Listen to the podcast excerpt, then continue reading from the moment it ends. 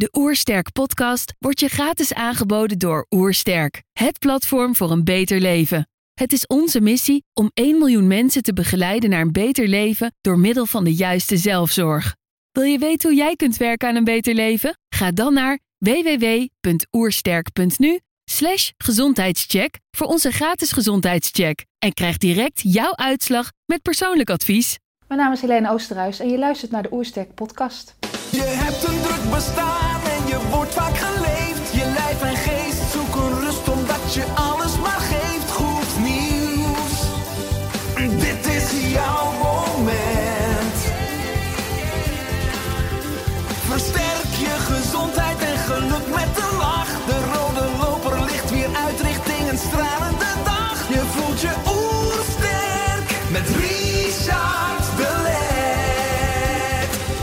We zijn in Heemskerk voor een podcast met Helene Oosterhuis. Ze is trainer, spreker en auteur van het boek Ken je mij? Ze is expert op het gebied van gedragsverandering en gedragsbehoud. Ook is ze docent op onze Oersterk coachopleiding. Ik ben benieuwd naar haar tips voor een beter leven. Trouwens, geniet je van onze podcast? Abonneer je dan en laat een reactie of review achter. Zo help je ons om het gezondheidsvirus te verspreiden. Let's start. De Oersterk Podcast. Een ontdekkingstocht naar een beter leven. Helene, welkom. Dank je. Ik lees op je website, na 20 succesvolle jaren in de financiële dienstverlening, gooide ze in 2009 het roer om. Hier vroeg ze zich af, wat wil ik en doe ik niet? En geïnspireerd door juist die vraag is ze nu een veelgevraagde trainer en spreker. Hoe kwam dit zo in 2009? Ik werkte inderdaad in de financiële wereld, eh, al een hele tijd, 20 jaar. Eh, dat betekent dat ik nou best wel oud ben, begrijp, besef ik me in één keer. Eh, maar los daarvan, ehm, ik merkte dat ik gewoon minder energie kreeg in hetgene wat ik deed. Ik was er echt een beetje, het, het ging goed, ik bedoel, de opdrachten waren voldoende, het stroomde echt allemaal volop binnen. Eh, alleen... Dus geen noodzaak om te veranderen? Vanuit financieel nou uit financi- klopt, financieel niet, want financieel liep het hartstikke goed. Een beetje gouden kooi-achtig idee eh, zit je dan in. Maar ik weet wel dat ik op een gegeven moment naar huis reed en dat ik dacht, hey, vind ik dit nou nog wel leuk? Ik gaf trainingen toen al in de financiële wereld. En ik vond het heel erg leuk om met mensen aan de slag te zijn. Maar het vak wat ik toen gaf, vakinhoudelijke trainingen, daarvan merkte ik gewoon van hmm, een beetje hetzelfde verhaal. Eh, is het weer leuk? Eh, nee. Dus toen had ik zoiets van, hé, hey, wat ik nu wil ik dat dan wel echt? En toen kwam iemand naar mij toe die zei, goh, zou je niet iets meer willen weten over het menselijk gedrag? En toen dacht ik, nou, dat lijkt me wel gaaf, ja, menselijk gedrag. Want daar was ik wel steeds meer achter, dat het zo bijzonder is dat, ja, gewoon elke keer die mensen die ik ook in de training kreeg, een stukje soort, soms aversie was tegen nieuwe wetregelingen. eh, sowieso, de mensen dachten van, eh, nou, dit wil ik niet. En toen dacht ik, nou, ik zou het wel heel erg leuk vinden om, hoe komt dat nou eigenlijk? Hoe doen mensen hun gedrag? Maar ja, bekend in de financiële wereld en daar eh, mijn podium wel opgebouwd en daar het werk hebbende. En dan weer helemaal het roer omgooien, helemaal naar nul. Dat was wel even een dingetje, zeg maar. Nou, Je was in loondienst. Ik- Nee, ik was niet in loondienst. Ik was wel al zelfstandig ondernemer. Eh, onder het kop eh, zelfstandig meer freelance docent. Alleen wel, dus niet in loondienst. Alleen ja, van echt een bulk. Eh, waarvan ik eigenlijk wist, nou, dat, dat had ik tot, mijn, tot nu nog kunnen doen. Naar helemaal nieuw theorie, sowieso nieuw, niet alles leren weer. Want ik wilde alles weten over het menselijk gedrag. Maar ook daar dan weer je werk in vinden dat was wel, eh, ja, dat was wel voor mij impactvol. Maar ik ben meestal wel springen en, als ik de, en dan merk je het wel of je, of je boven blijft. Maar vooral ook voor, voor, voor mannenlief thuis die eh, zoiets had van... hallo, wat ga je doen, zeg maar. Hmm. Het gaat toch allemaal goed? Dus de omgeving heeft dan ook absoluut invloed op, op datgene wat je gaat doen. Ehm, maar ik heb het uiteindelijk wel gedaan om antwoord te geven op die vraag. eh, Wat wil ik en doe ik niet? Klopt. En wat wil ik en doe ik niet, was gewoon een ander, andere manier van mijn vaardigheden en mijn kunde in de wereld te zetten. Waarvan ik toen absoluut nog niet dacht, dan waar ik nu sta, dat ik dat zou gaan doen. Als je me dit had verteld eh, in 2009, 2010, had ik je echt gek verklaard. Is het dan uiteindelijk leuker geworden, bedoel je? Of posi- positiever nog? Of zeg maar met deze kennis van nu, wa- was ik blijven doen wat ik toen deed? Nee, het is echt, echt leuker geworden. Alle, het is leuker, het is uitdagender, het, is, het verveelt nooit. Ehm, en wel, ehm, eh, ik ben mezelf natuurlijk gigantisch tegengekomen. Want, want het is leuk als je leert over het menselijk gedrag, maar uiteindelijk leer je natuurlijk heel veel over jezelf. Dus, dus eh, ja, ik, heb, ik weet dat ik in 2009 toen heb uitgesproken, oh, het lijkt me echt super gaaf om trainingen te geven over gedrag. Ehm, maar dat ik toen alle innerlijke dialogen die niet echt eh, bevorderend waren, wel tegen ben gekomen. Dus beperkend g- van, nou wie ben je, lijkt wel gek, wie zit er nou op jou te wachten, die, eh, die ben ik echt wel een aantal keer tegengekomen. Dus, dat, dus, dus de vraag wat wil ik en doe ik niet, die werd gevoed ook door eh, mijn interne stemmetjes van ja, het is logisch dat je het niet doet. Ja, want wie, ah, wie zit er nou op jou te wachten? Kom op, Helene, eh, zo, zo, zo slim ben je ook weer niet. Ehm, dus, dus ja, waarvoor zou, waarvoor, zou je dat, waarvoor zou je dat gaan doen? Innerlijke criticus. Ja, ja, ja, ja die vrij, har- vrij wel aanwezig was. Maar die ik ook, ik zeg wel eens, een soort, soort eh, eh, stemmetje wat inderdaad continu bezig is. Om je te overtuigen om, om gewoon maar te blijven zitten. En kiezen voor het voor, ja, beter het bekende probleem, het ongekende geluk zeggen ze wel eens. Maar Mhm. dat, eh, die, eh, die was er wel, ja. Ja, want in 2008 was er natuurlijk ook een crisis op de financiële Ja. markten. Ja, Nu hebben we weer even een andere crisis qua gezondheidsperspectief en het coronavirus. Eh, maar draagde dat eraan bij dat je ging nadenken, dus ook over die sleutelvraag, wat wil ik en doe ik niet? Of was het alweer, was je eind 2009, was toen alweer een beetje de balans terug? Nee, het was, daar was wel iets wel meer eh, met balans, maar het was voornamelijk doordat ik gewoon merkte dat ik er niet meer, eh, ja, geen energie meer, ik werd er niet meer blij van. Ik, ik, ik, ik, ik, kwam in mijn automatische patroon terecht. Dus ik hoorde mezelf dingen zeggen waarvan ik dacht, hé, hey, dat heb ik twee maanden geleden ook gezegd. En, en, en ik merkte ook dat ik me, het vakgebied wat ik had, ik, ik, zat in het vakgebied vakinhoudelijke kennis op, op gebied van financiën. ehm, ik was niet iemand die de wetboeken erop na ging kijken om te kijken hoe zit dat dan precies. Dus ik was ook niet nieuwsgierig naar mijn vak.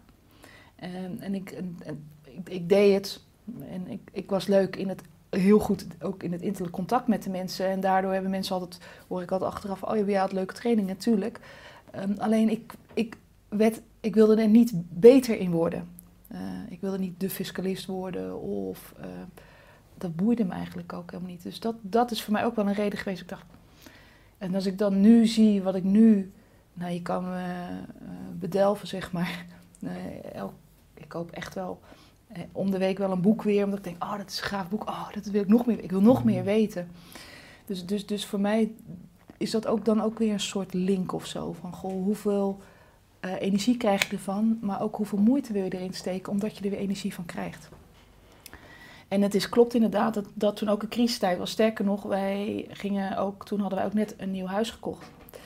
Dus ik weet, ik begon er in 2009, 2010, 2011 zei ik tegen Den, mijn man, echt van, nou, ik, ga, ik gooi het er echt helemaal om. Dus ik begin helemaal op nul. En, eh, en toen eh, weet ik nog zo goed, toen zaten wij op vakantie. Zei ik, oh ja, ik, ga echt, we gaan echt beginnen. We gaan echt, eh, ik begin helemaal opnieuw. En toen zei de kijkt hij me echt aan. Hallo, we hebben net een huis gekocht. Hoe ga je dat dan doen? We hebben een huis gekocht, de hypotheek hebben we verhoogd. We hebben nog twee kleine kinderen. Ik had toen, die waren toen nog een jaartje twee, drie. Hoe dan, Helene? Je hebt nu dit en je gaat dan naar nul.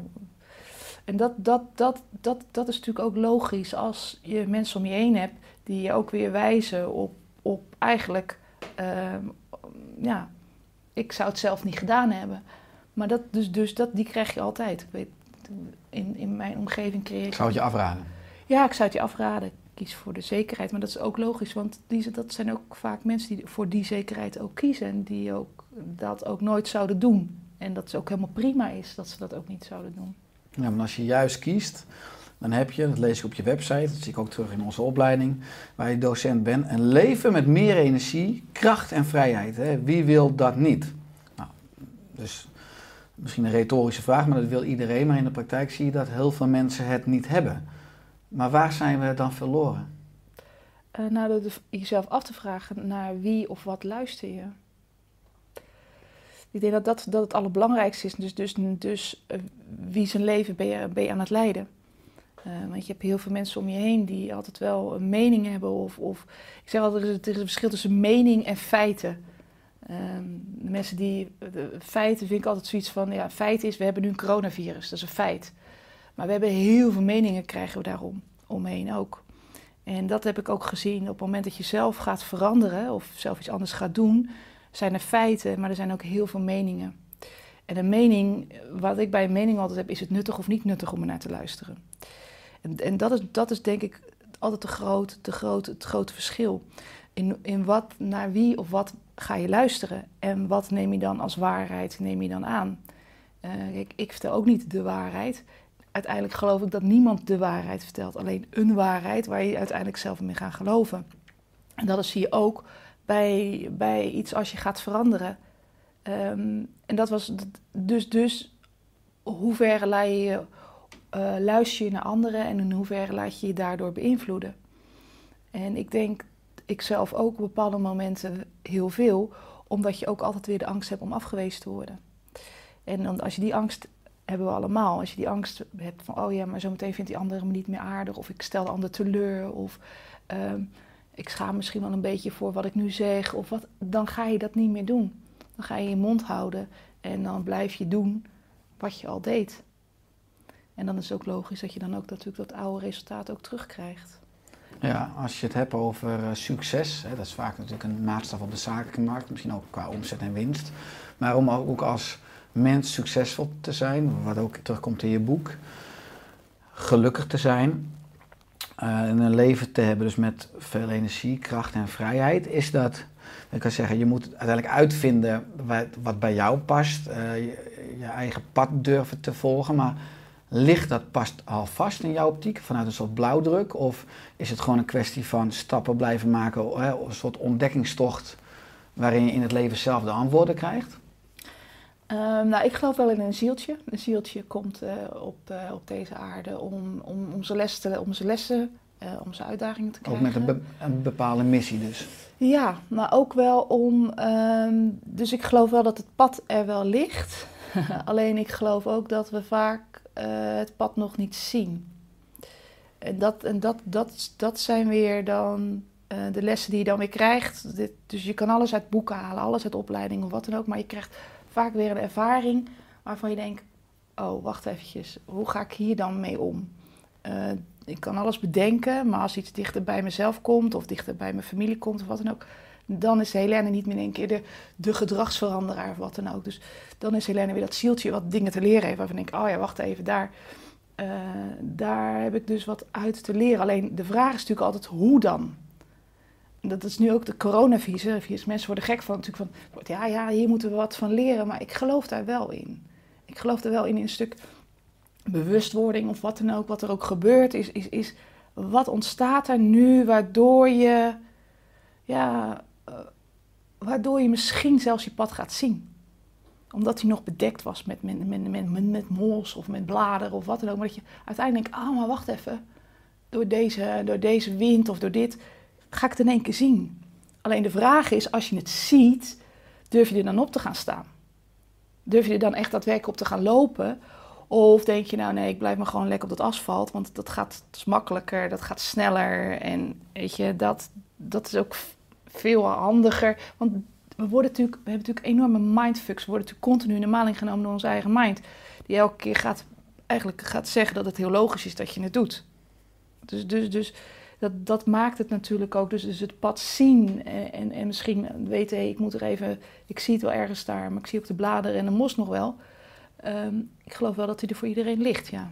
Hmm, je maakt in je boek, uh, in je concept, in je trainingen veel gebruik ook van de praktische stappenplannen. Ja. Er zijn er mensen die luisteren of kijken en die misschien hun pad zien, maar ook diep van binnen voelen, ja, maar ik, ik durf gewoon niet. Ik ben bang of uh, ik moet te veel zekerheid opgeven of uh, ik sta al een tijdje op die rand en denk er nog even over na wanneer ik ga springen.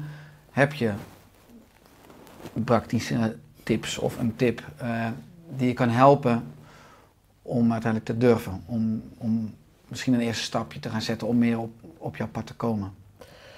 Ja, dat, er is, het, is de, het interessante is natuurlijk van wat levert het, het, hetgeen wat je nu doet, wat levert dat je op? Positief. Uh, want er is elk gedrag levert iets positiefs op, anders zou je het niet doen.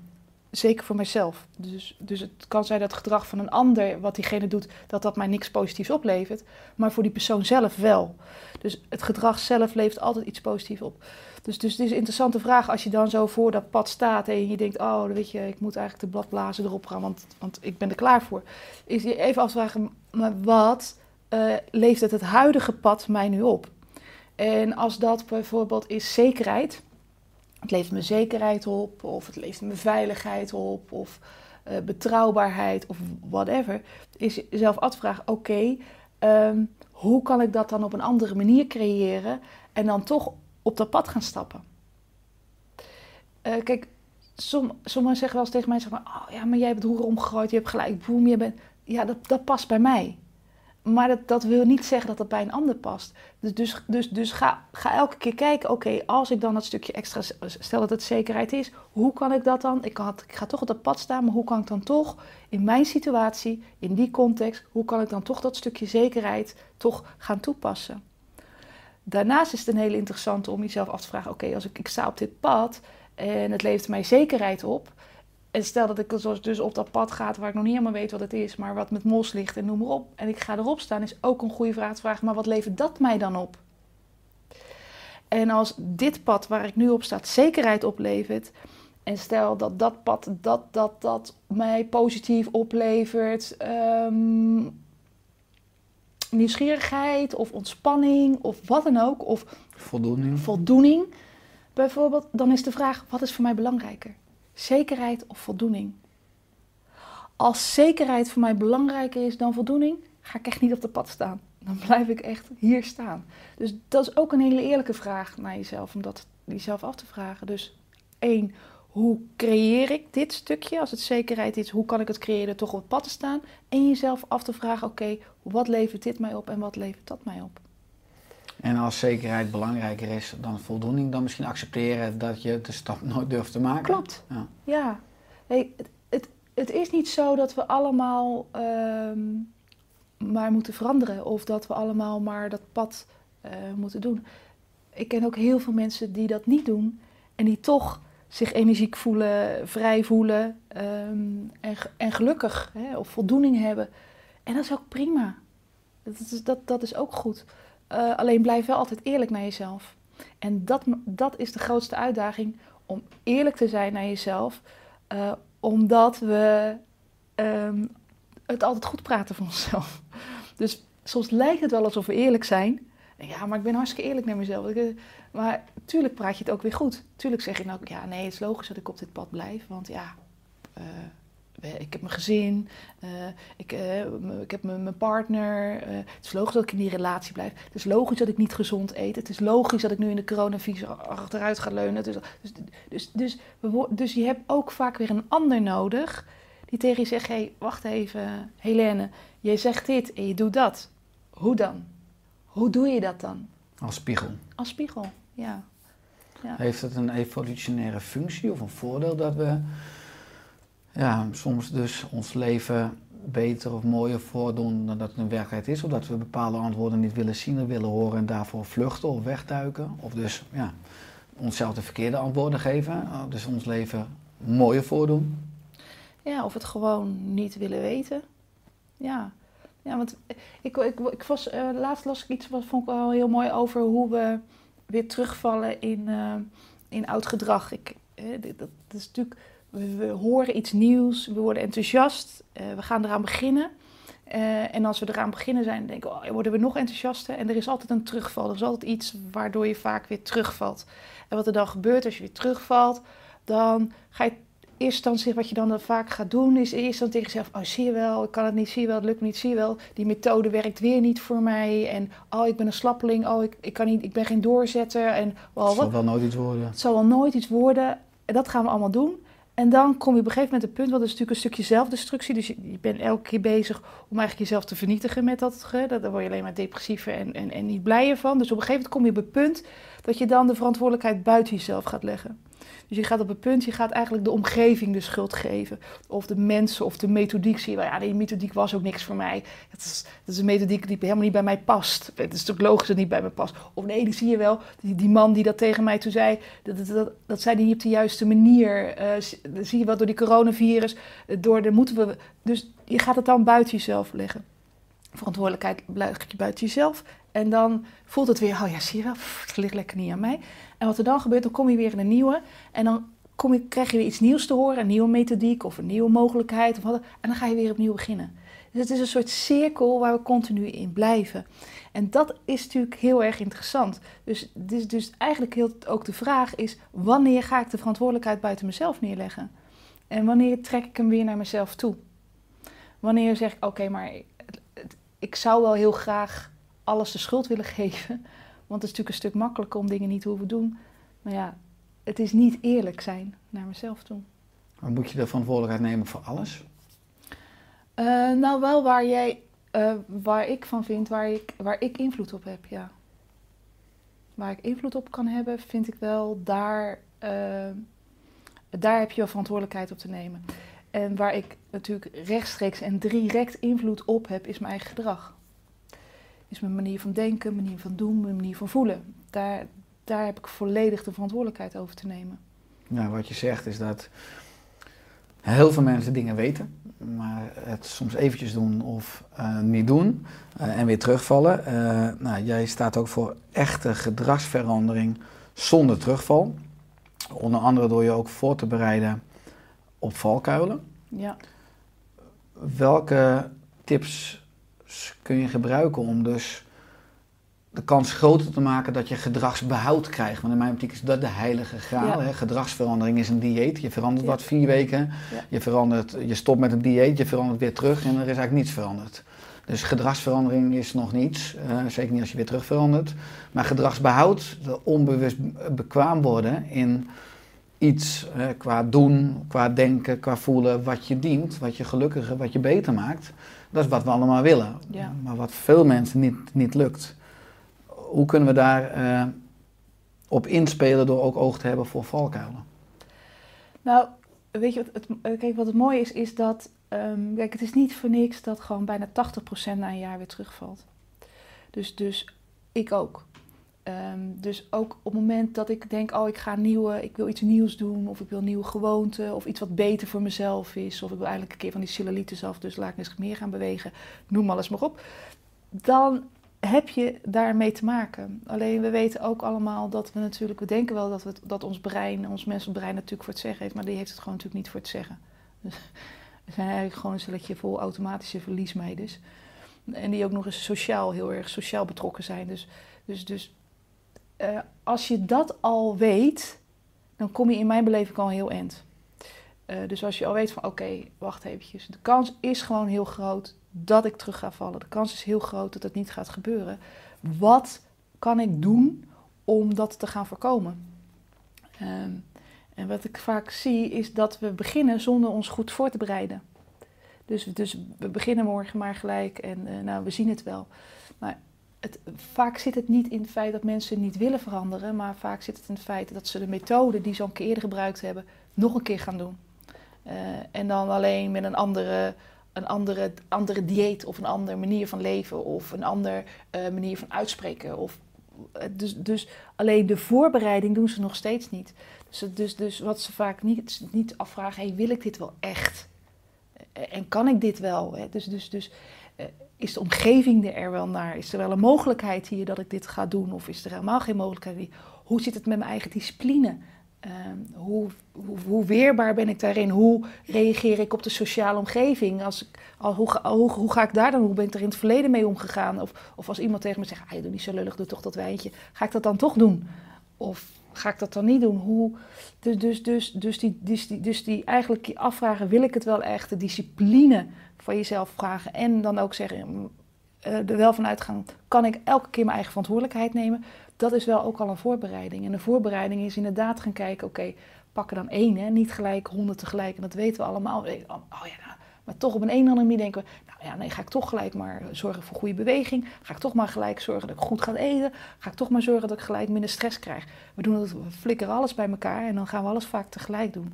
Terwijl, omdat we vaak denken, ja, dan grote stappen snel thuis. Maar dat is bij verandering zo vaak al aangetoond. Dat het allerkleinste, de kleinste gewoonte die je herhaalt, dat zorgt het voor transformatie. En niet één continu groot ding pakken en weer een ding pakken. Mhm. Maar zeg je daarmee ook, eh, we zijn vol automatische verliesmeiders, hoor ik je zeggen. Fantastische twee woorden, mooi voor Scrabble. Eh, dat we ook enerzijds misschien wat kleiner moeten gaan leven, wat vertragen, zodat we meer vanuit ja, onze frontale cortex, ons mensbrein, bewust leven en dus regie kunnen pakken over die instincten, die automatismes. Want vaak als we stress hebben, dan vallen we terug in Ja. die automatismes. Is, heel veel mensen hebben natuurlijk druk, eh, en dan kom ik zo op, ook druk, druk, druk. Eh, dan is het natuurlijk in die context nog lastiger eh, met een programmering om dus volautomatisch continu verlies te mijden, om gewenst gedrag door te voeren. Ja, klopt. En daarvoor heb je ehm, dus de, de, de voorbereiding die je hebt van dat je zegt, oké, ik pak een in ieder geval weet ik welke gewoonte ik echt, en die wil ik ook echt aanpakken. Ik, ik weet ook echt wat het probleem is. Want vaak is het eh, wat, wat zich uit, daar zit een probleem onder. Dus, dus de vraag is eigenlijk, hoe doe je je probleem? Daar wil ik in eerste instantie achter komen. Ik wil eigenlijk, hoe, hoe doe je dat dan? Te veel eten. Hoe doe je dat dan? Te veel stress krijgen. Hoe doe je dat dan? Te weinig bewegen. Hoe dan? Als ik dat weet, dan kan ik het daadwerkelijk veranderen. Wat ik vaak zie is mensen veranderen, maar weten niet hoe ze hun probleem doen. En dan blijf ik ook hetzelfde sowieso herhalen. Dus, dus hoe doe ik dan mijn probleem? Hoe doe ik mijn gedrag? Dat, dat is eigenlijk wat, wat in eerste instantie belangrijk is. Als ik dat weet, dan kan ik inderdaad gaan kijken, oké, wat, wat, zijn- wat zijn mijn valkuilen? Waarvan weet ik gewoon nu al zeker, als ik straks daar ben, eh, dan ga ik gewoon weer mijn mond houden, terwijl ik me eigenlijk wil uitspreken. Eh, ik ga gewoon meer eten, terwijl ik eigenlijk minder wil eten. Ik ga gewoon niet bewegen, terwijl ik eigenlijk weet dat ik moet bewegen. Dat weet je nu al. Dat weet je nu al, omdat je dit is, ik weet 100% zeker dat mensen die ook nu kijken, denken, oh ja, tuurlijk, die gewoonte, die wil ik al zo vaak afleren. Maar hij komt elke keer maar terug, dus je weet het al. Dus je weet ook je valkuil. En als ik mijn valkuil weet, weet ik ook, dan kan ik van tevoren bedenken welke oplossing past Mhm. daarbij. Zodat ik niet, zeg ik altijd maar, van het pad afflikken, maar gewoon een zijsprongetje maak en dan er weer opkom. En dan weet je ook natuurlijk dat je plannen kan maken in plaats van, nou, dan ga ik dit doen, ga ik dat doen. Maar wat ik mij altijd gewoon help, is koppelen aan gewoon een gewoonte die je al doet. Dus als jij je tanden poetst, eh, ik denk, als ik mijn tanden poets, denk ik ook, waar ben ik dankbaar voor? Het is gewoon voor mij een gewoonte geworden die ik aan elkaar koppel. Dus iets met een normaal iets. Gewoon eraan vast, eigenlijk vastmaken, zodat het wat, wat makkelijker blijft. Zodat het continu in je herinnering, want dat is natuurlijk wat je wil. Je wil dat het gewoon een automatisme gaat worden, want voor automatische verliesmeiders. Dus eh, En het kost je geen extra tijd. In eh, eh, Engels hebben ze dan dat net, no extra time. Als je aan drie dingen denkt waar je dankbaar voor bent, koppelt aan tandenpoetsen wat je standaard doet, kost het je geen twee minuten extra klopt. om aan drie dingen te gaan denken voor Klopt. dankbaarheid, want dat doe je onder het tandenpoetsen. Dus Ja, zo koppel je het al. Ja. En dat is natuurlijk, kijk, wat ander gedrag is ook nieuwe gewoontes. Hè? Dus je wil van oude gewoontes, slechte gewoontes wil je af. En als ik dan kijk vaak wat we doen bij, bij wat gedrag makkelijk maakt, is natuurlijk als het, eh, als het zichtbaar is, als het makkelijk is, als het aantrekkelijk is, eh, het kost weinig tijd. Dat, dan, dat is allemaal vaak wat, wat gedrag heel makkelijk. Hè? Een beloning zit eraan vast. En wat ik vaak zie is als we een nieuwe gewoonte doen, dan koppelen we die aan. Het is zichtbaar. eh, dus, en, en, en de slechte gewoonte Mhm. koppelen daar ook aan. Dus zorg dan dat je dan de slechte gewoonte, zorg dat het onzichtbaar wordt. Eh, zorg dat het moeilijk wordt. Eh, en zorg dat het onaantrekkelijk wordt. En zorg dat je geen beloning voor krijgt. Als je dat koppelt aan een slechte gewoonte, dan hou je het ook gewoon veel langer vol. Waardoor het uiteindelijk weer een automatisme gaat worden. Want dat is natuurlijk gewoon eh, gedragsbehoud. Het is gewoon weer een gewoonte geworden, een automatisme. Dus het is vaak niet zo heel ingewikkeld. Alleen het is vaak dat we eh, continu bezig moeten zijn met wat ben ik aan het doen. Dus, dus ik help, bij mij helpt altijd de woorden stop, voel, denk, doe. En die, dat is een strategie. Stop, voel, denk, Denk, doe. Ja, als ik dat tegen mezelf zeg, en ik geef die ook altijd een tip, altijd ook als ik spreek of train of coach, zeg ik ook altijd, hou die vier woorden. Stop, voel, denk, doe. Stop. Hou even adem, weet je. En als je even adem haalt op een helemaal rustige manier, dan weet je ook dat het natuurlijk veel beter is voor heel alles. En daarna ga je voelen, wat is op dit moment nou belangrijk om dat daar in de toekomst daadwerkelijk te bereiken. Dus om, als ik daar naartoe wil, als ik zo meteen zeg, nee, maar dat wil ik bereiken, wat is dan belangrijk? Dus, eh, en dan ga dan pas denken. Ga dan pas denken, oké, wat past dan hierbij? Oh ja, welke valken? Oh ja, wat moet ik dan? En ga dan pas doen. En vaak gaan we in de drukte, in de herrie, gaan we gelijk doen. In plaats van stop, voel, denk, doe. Ja, wat je zegt, als we druk zijn, dan rennen we als kip zonder kop door het leven, zou je kunnen zeggen. Er zijn ook auteurs natuurlijk die zeggen, eh, druk, druk, druk is voor losers. Hè? Terwijl het op sommige, in veel sectoren is ook een soort statussymbool. Als je mensen vraagt, Ja. hoe, hoe gaat het? Druk, Druk. Hè? als signaal van Ja. ik ben succesvol, het gaat, het gaat goed. Eh, terwijl je dan blijkbaar slecht bent in je energiemanagement. Heel veel mensen eh, leven reactief. Nou, de kunst is natuurlijk naar een proactief leven te gaan, waarin je ruimte biedt voor waarden die belangrijk zijn. Ik zag op je website een video over rust, waar je ook had over een vakantie die je had in India. Waar je erachter kwam, wat je zelf toen zegt op die video, van eh, ik was leeg. Eh, van het mezelf bewijzen, van presteren, van hard werken. En dat je ook opmerkte van ik moet eigenlijk veel vaker die rust eh, integreren, opzoeken. Want dat is natuurlijk jouw uitdaging als je denk veel over gedragsverandering praat. Dat je misschien regelmatig ook de vraag krijgt van hoe is het dan in je eigen leven? Gaat bij Ja. jou veranderen makkelijk en eh, Ja. ervaar je nooit een, pro- een probleem of, of obstakel. Maar heb je op basis van het inzicht wat je had in India, ben je ook anders zeg maar, met jouw dag, met jouw week, met jouw leven omgegaan qua drukte? Ehm, eh, in eerste instantie wel. dat, eh, Kort. ja, ja, dat is natuurlijk wat je zei, het, je zei het mooi. Mensen verwachten als je ergens verstand van hebt dat je het dan ook zelf doet. Nou, je, je komt er sneller achter dat je het aan het doen bent. En daarnaast doe je het nog steeds. Ehm, omdat je ook gewoon mens bent. Ja. Ehm, en dat is ook prima. Ehm, en dan alleen daarnaast wat, wat belangrijk is, is dat ik, ik weet wel dat ik naar India ging, dat ik ook echt inderdaad achterkwam dat ik, eh, dat ik echt, eh, echt leeg was. Ehm, en, maar dat, door daarachter te komen dat ik zo leeg was, heeft me dat ook weer heel veel inzichten gegeven. Van hé, maar hoe komt het dan dat ik zo leeg raak? En wat kan ik dan voortaan doen om in dat stuk eh, minder leeg te raken? Bij mij was het heel erg ehm, gerelateerd aan, aan, aan mijn dochter. En het was heel erg gerelateerd om haar los te laten, zeg maar. En, ehm, en dat, dat, dat, was, dat, dat was eigenlijk het grootste inzicht. Terwijl een ander krijgt inzicht van... ah, ik, ik moet gewoon meer eh, gaan zorgen dat ik gewoon gelijk begin met rituelen. Mhm. Want, want dat is natuurlijk ook als je... Ik, ik, in India zijn ze ook, heel, ook van de rituelen, van ze beginnen op een bepaalde manier. Eh, ik, toen ik daarheen ging had ik nog nooit yoga gedaan. Ik kon niet eens meteen aanraken, zeg maar. Eh, dus toen ik daar was, eh, ben ik eh, enorm gaan yoga. Mediteren deed ik al, maar yoga niet. En ik weet dat ik toen toch dacht, oh, dit ga ik elke dag doen. Dit ga ik elke dag, want dit is zo geweldig.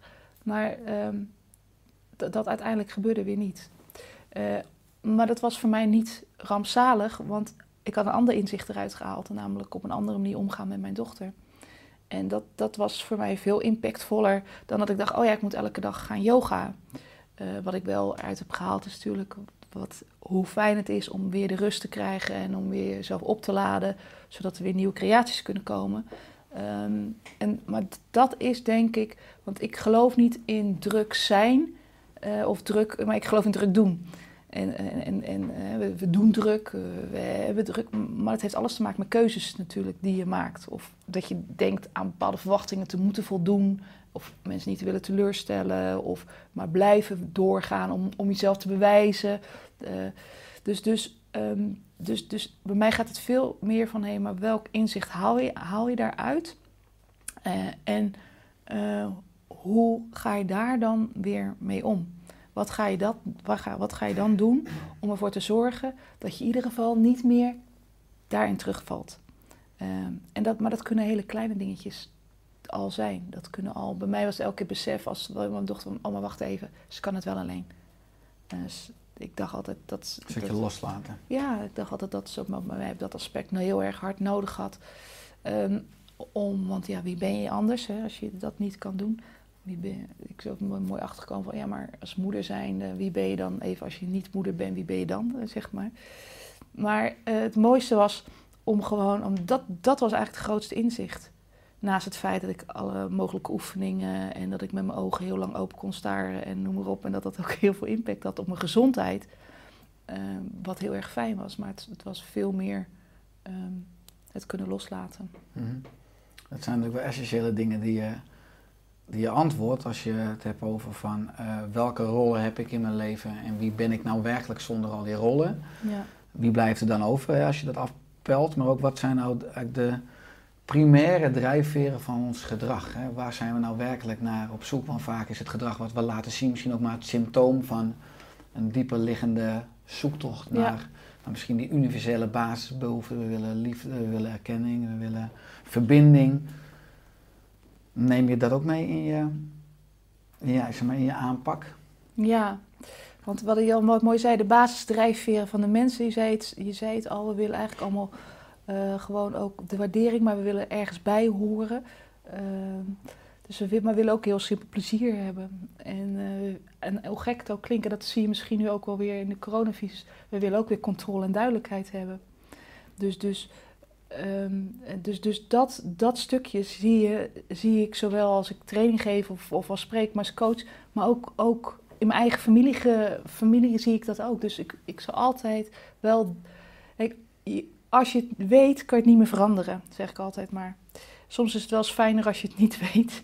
Dus, dus ook ik ben continu bewust van de impact van wat ik aan het doen ben eh, ten opzichte van, eh, van mijn omgeving. Dat is soms heel fijn om te weten en soms ik denk, oh jee, ja. hmm. Ehm, dus je bent elke keer dat kan je niet meer uitzetten of zo. Ik kan het niet meer niet, meer, niet, meer niet zien of niet meer niet horen. Ehm, dat wil niet zeggen dat ik zelf, eh, wat ik al zei, als ik zelf eh, volop in mijn emotie kom, dat ik dan nooit schreeuw of dat ik dan niet denk van ik krijg allemaal het heen en weer. En, eh, dat, dat, dat is mooi wat mensen eigen zijnde. Alleen het allerbelangrijkste is, is hoe kan je die, als je ergens voor staat waarvoor je zegt, hoe kan je dat dan integreren in je eigen leven? En ehm, dus, dus ik zal altijd kijken van oké, hoe kan ik mensen waarderen om wie ze zijn? Ehm, ik zal altijd kijken hoe kan ik zorgen dat het leuk is, dat, dat, dat, het toch, dat we plezier hebben. Ik zal ook altijd kijken van oké, hoe kan ik ervoor zorgen dat er toch een soort duidelijkheid is, een soort kader. En de rest mag je zelf bepalen, maar in ieder geval wel dat het kader is. En hoe kan ik zorgen voor meer verbinding? Ehm, dus dat ik gewoon zorg van god, dat het gevoel hebben dat we erbij horen. Die, die, mm, mm, en, maar dat gaat voor mij ook makkelijker af, omdat die sowieso al belangrijk voor mij zijn. Mhm. Dus, dus als verbinding staat bij mij eh, sowieso eh, plezier. Ja, maar als je het hebt over die belangrijke woorden, kan je eigenlijk stellen van we hebben een, eh, een kop, hè, een, waar, een, waar hersenen, waar een brein in zit. We hebben ook natuurlijk het, het hart. Hartbrein. eh, precies, Buik. Het, het hartbrein, buik. Wat is jouw visie op, zeg maar, ja, dus hersenen, hartbrein, buik? Ehm, nou, mijn visie daarover is dat ze allebei een functie, allemaal alle drie een functie hebben. Ehm, mijn visie daarover is dat het hoofd is voor creatie, eh, het buik, brein is voor het moed, voor het doen, maar er zit ook de angst. En het hart is eh, voor de waardering. Eh, ehm, en de vraag is, ehm, is eigenlijk, luisteren we naar alle drie de breinen? Dus of eh, maak je alleen maar gebruik van je hoofdbrein? Eh, of maak je misschien alleen maar gebruik van je hartbrein? Of, of je, en wat je vaak ziet, je ziet, het ook in, je ziet het vaak in de praktijk terugkomen als we bijvoorbeeld, je bedenkt iets, eh, maar je, gaat het ook doen. eh, en dan denk je achteraf, "Pff, ik voel er niks bij. Dan, is, dan is eigenlijk, zeg ik altijd, het hartbrein een stukje buitengesloten. Dus, dus heb je die ook bij betrokken, ja of nee? Dat is hetzelfde als, ik kan een enorme passie ergens voor hebben. Ik denk, ah, dat wil ik, dat wil ik. En ik weet ook al hoe, alleen ik, ik ga het maar niet doen. Dan is de vraag, hoe zit het dan met je buikbrein? Dus, dus eigenlijk moet er een soort congruentie zijn van deze, van deze alle drie. Zeg maar dat die continu met elkaar in verbinding zijn. En dat ze eigenlijk, ja, dat het één geheel is. En wat ik vaak zie is, is, is dat we bepaalde, eh, op bepaalde momenten bepaalde, bepaald brein buitensluiten. Omdat we het zo gewend zijn of omdat we het nog niet bewust van zijn. Dat we ook gewoon met die drie breinen te maken hebben. En hoe krijg je een betere uitleiding tussen die drie breinen? Eh, door ermee te communiceren. Door ernaar te kunnen luisteren. Dus, dus door eh, bewust te worden van oké, maar hoe communiceer ik dan met het hoofdbrein? Hè, dat is het hoofdbrein is vooral natuurlijk veel taal. Hartbrein is natuurlijk, is natuurlijk wel gevoel. Maar kun je natuurlijk ook door hartademhaling. Eh, en buikbrein is natuurlijk echt niet... Ik zeg altijd, is, je wordt niet voor niks vaak misselijk. Dat, is, dat is natuurlijk ook een uiting van. Dus hoe kan je daar dan naar luisteren? En er zijn tegenwoordig embraining is een hele mooie techniek om eigenlijk die congruentie te krijgen tussen de drie breinen. Dus door eigenlijk te leren van oké, hoe A, hoe communiceer ik met ze? Maar B, hoe kan ik ze ook dusdanig uitlijnen dat ik ze optimaal gebruik van maak, zeg maar, van de drie breinen. Dus dat ik weet eh, dat, dat mijn actie die volgt eh, vanuit het hart en vanuit het hoofdbrein eh, gevoed wordt, zeg maar. Maak je daar ook gebruik van in je eigen leven? Ja, ja. Ik, ik, ik heb één ehm, iets wat ik altijd heel leuk vind. Is ik ben, ik ben nieuwsgierig naar alles. Dus, dus ik, ik, ik heb natuurlijk uh, NLP gedaan, ik heb embraining gedaan, ik heb systemisch werk gedaan, ik heb energetisch werk gedaan. Ehm, ik heb transpersoonlijk coaching gedaan. Omdat ik zo, ik, lees heel veel over neurowetenschap, sociaal. Maar ik vind het allemaal zo super gaaf. Um, en, het, en, dus, dus, en omdat ik het zo gaaf vind, krijg je heel veel informatie eruit. Maar dat betekent dus ook dat je het op bepaalde situaties wel kan toepassen. Dus dat ik denk, oh wacht, als ik nou eens dit gewoon eens ga experimenteren. Wat zou er dan uh, gebeuren? Ge gebeurt er dan daadwerkelijk veranderingen? Dus alles wat ik, waar ik over schrijf of uh, wat ik, uh, waar ik training over geef, heb ik zelf ook al een keer geëxperimenteerd. Omdat ik het zo mooi vind om, om bij jezelf te gaan, ook continu te ontdekken hoe zit het dan precies? Hoe, hoe werkt dat dan? Hoe reageer ik erop? En als ik dan lees naar onderzoek, hoe reageren anderen erop? Of, maar ook oude wijsheid tradities, weet je, waar we zoveel kennis nog uit kunnen halen en putten. En, en, en dat, dat, dat is natuurlijk, kijk, in tijden van onzekerheid vallen we weer natuurlijk vaak terug in de wetenschap. Wat, wat helemaal prima is, wat, wat, wat, wat, wat, wat mooi is. En er is nog zoveel meer dan dat. En, en ik vind het altijd fijn als, als, als, als, we, als iedereen elkaar daar in de waarde kan laten. Weet je, als mensen vanuit de wetenschap praten, maar als mensen vanuit oude wijsheid tradities of vanuit energetisch werk of ook gewoon hun zegje mogen doen. En dat je dan voor jezelf bepaalt van oké, nou, oh, dat is interessant, dat ga ik gewoon eens doen. ga ik gewoon eens experimenteren. Werkt het voor mij, werkt het niet voor mij? En dat zie ik wel, zolang ik al in dit vak zit, er, er is geen waarheid. Ga gewoon experimenteren. Op wel een stappenplan, geen stappenplan, wel mijn tips, niet tips. Daar gaat het niet om. Ook iedereen die hier in die stoel zit, maar ga het gewoon doen. En ga er dan achter komen. Hé, hey, oh ja, verhip zeg, hey, dat, dat werkt voor mij.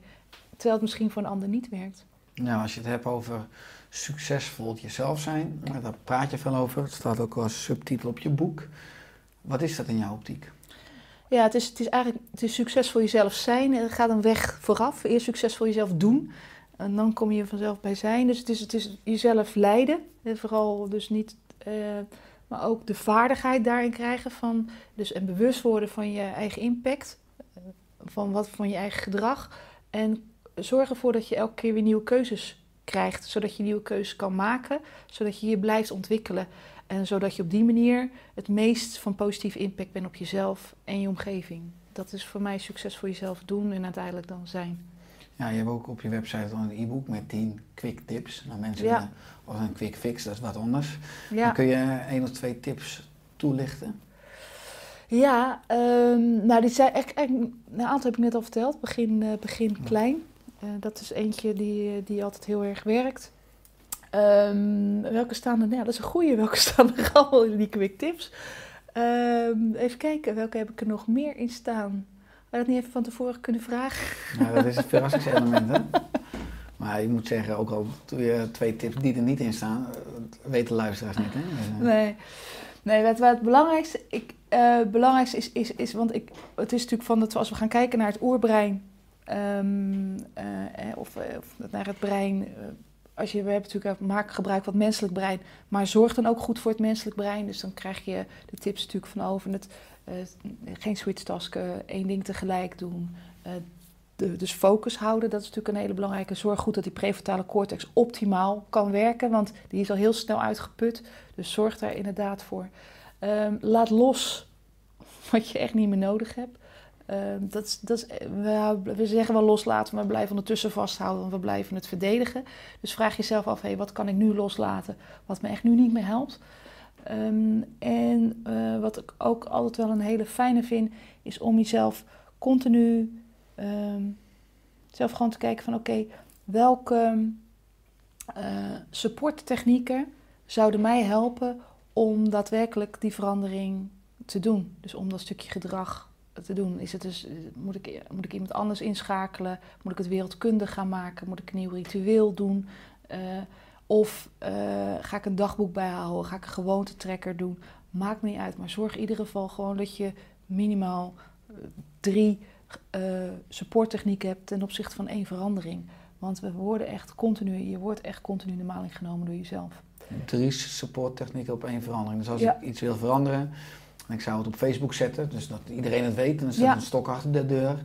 Ja, Bijvoorbeeld ook als ik een, eh, een buddy, een vriend, een vriendin zou hebben die hetzelfde doet, dat je het Ja. samen gaat doen, lijkt me ook een techniek. om, Ja. eh, Ja. En dan nog een derde. Dus, dus is de kans het grootst dat je succesvol ja, anders gaat eten, meer gaat bewegen, Klopt. gaat mediteren of meer Ja. durft te kiezen voor wat je Ja. belangrijk vindt. ja maak de, zorg er wel een ritueel. Want zorg dat je je wilskracht alleen echt nodig hebt voor die veranderingen waar je het nodig voor hebt. Dus iets wat makkelijk kan, zorg in ieder geval dat je daar je wilskracht niet voor nodig hebt. Dus, dus het, het is continu ook eh, kijken. En, en dan is het ook, als je die, dan die supporttechnieken hebt, zorg er dan voor dat je na een week of zes weer nieuwe supporttechnieken hebt. Want dat worden ook weer automatismen. En dan zie je het ook niet meer. Want dan heb je het een keer op Facebook gezet, of je hebt een keer tegen die vriend gezegd, of je hebt een keer een ritueel gemaakt. Maar op een gegeven moment ben je dat ook weer kwijt. Dus het is continu jezelf verfrissen. Is continu ook zelf weer denken van oké, hoe ga ik dat doen? En, en wat ik al zei, maak je elk, elke keer die stop, voel, denk, doe is echt een hele makkelijke om eventjes dat reptiele brein voorbij te gaan, zoogdierenbrein voorbij te gaan en naar die prefrontale cortex te gaan. Plus, het is ook een hele goede om je hoofd, hart en buikbrein eh, bij elkaar te betrekken. Stop, voel, denk, doe. Stop. Even, je maakt jezelf bewust. Dus je haalt even adem. Vijf tellen in, vijf tellen uit bijvoorbeeld. Dus je maakt je even bewust. Daarna ga je naar voel, hart, denk, hoofd, doe, buik. Dus je, op die manier combineer je ook die drie breinen ook. En dat maakt het een stuk congruenter. Exact, en dan krijg je meer regie over je output, over je gedrag, maar je zorgt ook dat het gedrag meer in overeenstemming is met wat je belangrijk vindt, met je kernwaarden en met je principes. Klopt, Ja. klopt. Als je het hebt over succes, dan kan je stellen, dan zijn wij aardig succesvol, volgens misschien de norm van de maatschappij. Mm. Eh, maar er zijn natuurlijk ook mensen die hebben het misschien wat minder goed. Eh, en daar zet je ook voor in. Je bent oprichter en voorzitter van stichting Another Way. Niet Another Day, maar Another Way. Ja. En die zet zich in voor vrouwen met sociaal-economische achterstand in Nederland. ja. Hoe is het zo gekomen? Ehm, nou, ik, ik kwam steeds meer achter dat alle trainingen die ik eh, gaf, eh, dat zijn betaalde trainingen allemaal. Dus dat zijn mensen die het geld hebben, de financiën hebben om het te, te kunnen financieren. En of dat dan vanuit de werkgever is of omdat ze zelf een potje hebben. Toen dacht ik, eigenlijk is dat wel heel bijzonder. Die mensen leren steeds meer over zichzelf, leren steeds meer om uit zichzelf te halen, leven, leven, leren steeds meer. Mhm. En eh, toen dacht ik, en er is toch ook een groep die daar absoluut behoefte aan heeft, maar die dan niet de financiën heeft. Wat kan ik daar dan voor betekenen? Eh, toen hebben we dus met succesvol, eh, met het boek, eh, die is toen uitgekomen op Mhm. Vrouwen, Internationale Vrouwendag, hebben we ook gezegd, maar hoe kan ik dat dan koppelen aan een goed doel? En toen ehm, dacht ik, nou dan is het eigenlijk wel mooi om aan die groep vrouwen die het niet kunnen, om dat dan ook te gunnen. En toen zijn er mooie mensen om me heen gekomen die dat ook eh, zo zagen. Dus er is een stichting opgericht. Ehm, en daar eh, hebben we power trajecten, dus trajecten voor vrouwen, hebben we toen neergezet met z'n allen. eh, waarbij de vrouwen een half jaar lang begeleid worden. om te zorgen dat ze eigenlijk achterkomen van ja, hoe doe ik nou mijn ding? En dan op allerlei gebieden. Dus niet alleen maar op gedrag, maar ook op financiën, ook op relaties, ook op werk, eh, ook op eh, uiterlijk. Eh, dus eigenlijk de combinatie, de combinatie van voeding. dus, dus eigenlijk wilden we een totaalpakket leveren waardoor iemand echt dacht van, ah ja. En het mooiste is dat, want we hebben nu drie groepen gedaan, drie jaar tijd. Ehm, dat eigenlijk mensen al zo fijn vinden om gezien te worden. En om ook ge- gelijkgestemden eh, met elkaar te verbinden. Waar mensen, ah, ik dacht altijd dat ik de enige was die dit had. En gelukkig, eh, gelukkig, er zijn nog meer die dit, ook, eh, die dit ook hebben. En daardoor, door ook dat stukje, dus, dus, dus door ook gewoon dat je je verhaal kwijt kan. eh, dat er naar je geluisterd wordt. En natuurlijk zijn tips dan fijn. Maar uiteindelijk, volgens mij draait het daar uiteindelijk het meest om. Hoe groot zijn die groepen? Eh 12, 13 vrouwen, Dus kleine groepen. kleine groepen. En heb je zicht op hoe groot het probleem in Nederland is, hè? vrouwen met een sociaal-economische achterstand? Ja, nou weet je, het, ehm, wij hebben gezegd dat het vrouwen zijn die bijvoorbeeld eh, eh, ongewenst in de bijstand zijn gekomen, of vrouwen die mishandeld zijn, of eh, nou, vrouwen gewoon die eh, of vanuit eh, eh, andere landen hier naartoe zijn gekomen. En het, als we gaan, ik heb gekeken naar eh, waar vrouwen met, met mishandeling en dergelijke. Daar zijn, daar zijn cijfers over. Ik zou die cijfers niet, niet exact weten. Ehm, alleen wat mij wel opgevallen is, is Maar dat... de groep is waarschijnlijk groter dan we denken, laat ik het zo stellen. Ja, Maar vaak schrik je van cijfers, hè, als je Ja. hoe groot die aantallen zijn. Ja, en, en, nou, en weet je wat, wat, wat, wat me vooral opgevallen is, en dat is eh, eh, wel een hele bijzondere, is dat ehm, je, we bieden iets graag aan, maar om er naartoe te komen is vaak een drempel eh, voor, de, voor, de, eh, voor, voor dames of voor de vrouwen om, ehm, om eigenlijk aan jezelf toe te geven, hé, hey, wacht even, ik heb hulp nodig of ik heb geen hulp nodig, of maar wat voor manier dan, wat, wat bieden ze me dan? Dus, dus ook al zouden we de cijfers weten, de, de feitelijke cijfers, dan vraag ik me af, is er nog niet veel meer dan de feitelijke cijfers? Omdat ik gemerkt heb, en ook in de afgelopen jaren, is dat er ook heel veel schaamte zit. Heel veel schaamte eh, dat, dat men in die situatie gekomen is en dat men het lastig vindt om erover te praten. Eh, dus, dus, dus dat, eh, terwijl, dus ik denk dat, dat, dat het veel groter is dan dat we nu Puntje van de ijsberg wat dat Ja. betreft, ja. En, en hoe kunnen vrouwen zich dan bij die stichting aanmelden? We, de stichting gaat gewoon, de aanmelding gaat gewoon via de website. Mhm. Dus uh. Eh, en daar geven vrouwen zich gewoon op. Eh, daar gaan we in eerste instantie met ze in gesprek. eh, omdat we weer graag willen weten van, goh, wat, wat wil je zelf? Zijn wij, kunnen we jou echt wel het komende half Mhm. jaar jou begeleiden? Of misschien is dat niet zo. Dan is dat ook een hele eerlijke zaak om dat gelijk naar elkaar uit te spreken. Ehm, dus er komt eerst een, in- een gesprek om, te, om even af te tasten aan beide kanten. En dan gaat het traject gewoon starten. Nu ligt in verband met het coronavirus e- virus even eh, Mhm. plat. Maar we gaan ervan uit dat we daar eh, gewoon zeker, eh, hopelijk toch wel einde van het jaar zeker weer. Meestal loopt het een heel jaar. Maar je het noemde al dat twee, drie groepen Ja, mensen bezig of klaar zijn. ze zijn al klaar. Want Ja. Ik neem aan dat je daar dan na dat half jaar eigenlijk groei en input en voeding en training Ja. bijzondere resultaten ziet. Ja, ja. Je ziet echt. ehm, eh, we hebben het ook gevraagd, ook altijd. we- begeleiden ze zo intensief in dat half jaar. eh, dat, dat we heel veel daar ook over horen. Ehm, maar vooral het zelfvertrouwen, weer het geloof. Eigenlijk wat zo normaal lijkt, wat weer normaal is geworden. Weer een onderdeel voelen van. eh, weer zich veel meer uiten. Weer eh, op dingen afstappen, wat in eerste instantie niet deed. Eh, als je al 180 keer je kop gestoten hebt, dan, dan, en dan denk je, nou laat maar, ik, ik ga niet meer die 181ste keer. Maar dat dan toch weer doen. Wat is Eh, het leukste wat je dan eh, uit zo'n groep hebt gehoord aan, als feedback? Het nou, het leukste vind ik als ik ze zie dat ze zichzelf weer profileren. Dus als ik zie hoe ze dan weer op social media eh, zichzelf laten zien. Of dat ze, dat ze zelf een, iets zijn gaan doen voor andere vrouwen die ook in een soortgelijke situatie... Dus, dus dat, er, is- dat het een soort olievlek geworden is. Dus dat ik, dat ik zie... Dus ze, dus ze zijn zo ver in zichzelf gaan geloven van... hé, hey, ik kan het nu ook doorgeven. Nou, dat is fantastisch. Ze zijn zelf wat licht geworden wat ze weer verder Ja. uitstralen. Maar Ja. Ik kan me voorstellen, maar dat is een aanname, dat je ook soms al die jaren heen soms wel gekke reacties kan krijgen als je op een werkvloer presenteert over passie en over je hart volgen. Zou je best eens een maand of twee maanden daarna een mailtje of een brief kunnen krijgen van een ex-werknemer van hé, ik was nog bij je lezing, maar door jouw inzichten ben ik nu dan uit dienst gegaan. Dan ga ik meer of eh, door jouw lezing of door jouw training eh, ben ik gaan scheiden. Of ben ik in ieder geval mensen Ja.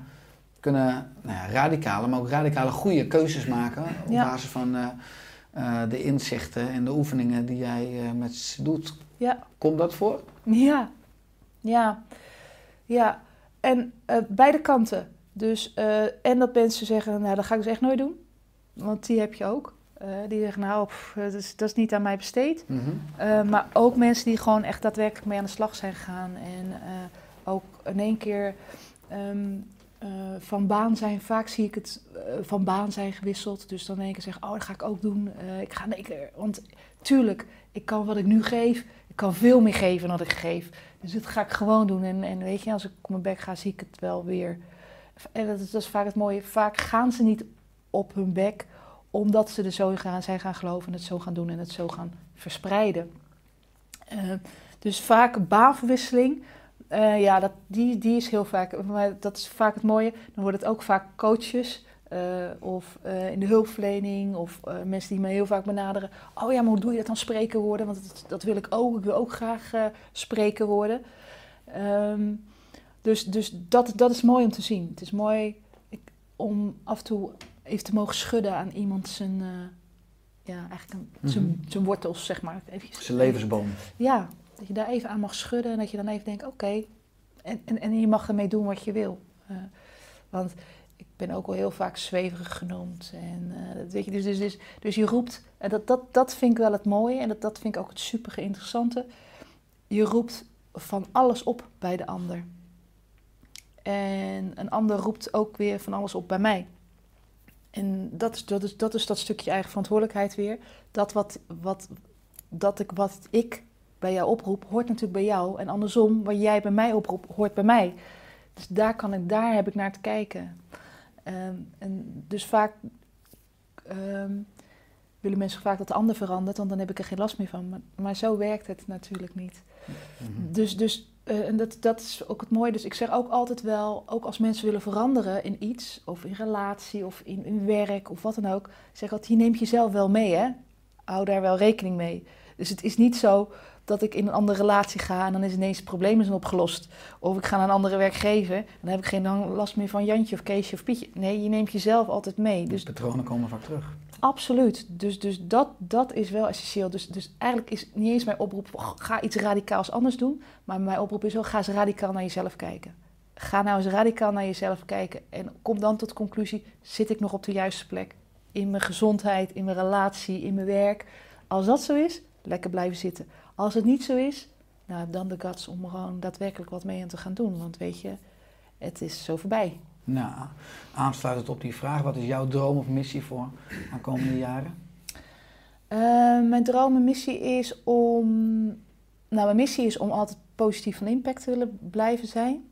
Dat, dat, dat wil ik graag. Dus ik wil graag dat, dat ik een positief verschil eh, mag maken. Ehm, en dat doe ik het liefst, en dat hoop ik. Ik, hoor eh, volgende week eh, word ik 50, hè? Dus best alweer een leeftijd. Eh, Bijna op de helft dus. ja, ja. Dus, ja, laten we daarvan uitgaan.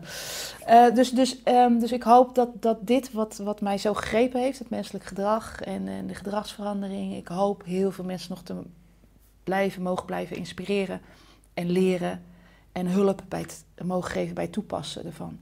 Dus eh, dat dat nog voluit mag groeien en, eh, en bloeien. Nou, dat doe je ook met veel enthousiasme op onze opleiding. Ja. Is dat leuker ook zo'n, ja, je hoort inmiddels maar, ja, ik, we kennen elkaar dan al langer. eh, mensen gaan op een bepaalde manier in mijn hart zitten. Onze omgang is heel erg, nou ja, eh, Ja. eh, hoe moet je zeggen, vrij. Eh, maar is dat leuker dan gewoon een keynote bij een, be- bij een be- bedrijf doen waar je dan, zeg maar, komt voorrijden, een uurtje wat vertelt en weer naar huis toe gaat? Omdat we nu natuurlijk bijna een soort traject hebt. Ja, het is anders. Het is anders. Ik, als ik spreek op het podium, ik, ik, ik vind het ook heerlijk om op podium staan. Ik, ik word blij als ik voor groepen mensen sta en een beetje gek mag doen, en maar ook wat mag vertellen over gedrag, en, maar ook mensen mag confronteren. Dat vind ik heerlijk. Ehm, daarnaast is trainen, en, en zeker als je eh, bij zo'n geweldige club als dit mag, eh, mag zijn, ehm, kan je net iets meer betekenis geven. Je, je kan net mensen meer leren, maar je hebt meer tijd. En dat is fijn. Er meer de diepte in. Ja, je kan meer de diepte in. Ehm, en dat, dat vind ik fijn met, met gewoon een dagtraining of meerdaagse trainingen. Ja, je gaat dan echt eventjes met elkaar op reis. En, en, en, en ik zeg altijd, een spreken is even een kort, eh, is even een, eh, een, eh, een, een dagje weg, zeg maar. En trainingen ga je echt wat langer op reis. En dat is ook hetzelfde als één op één coaching, is dat natuurlijk hetzelfde.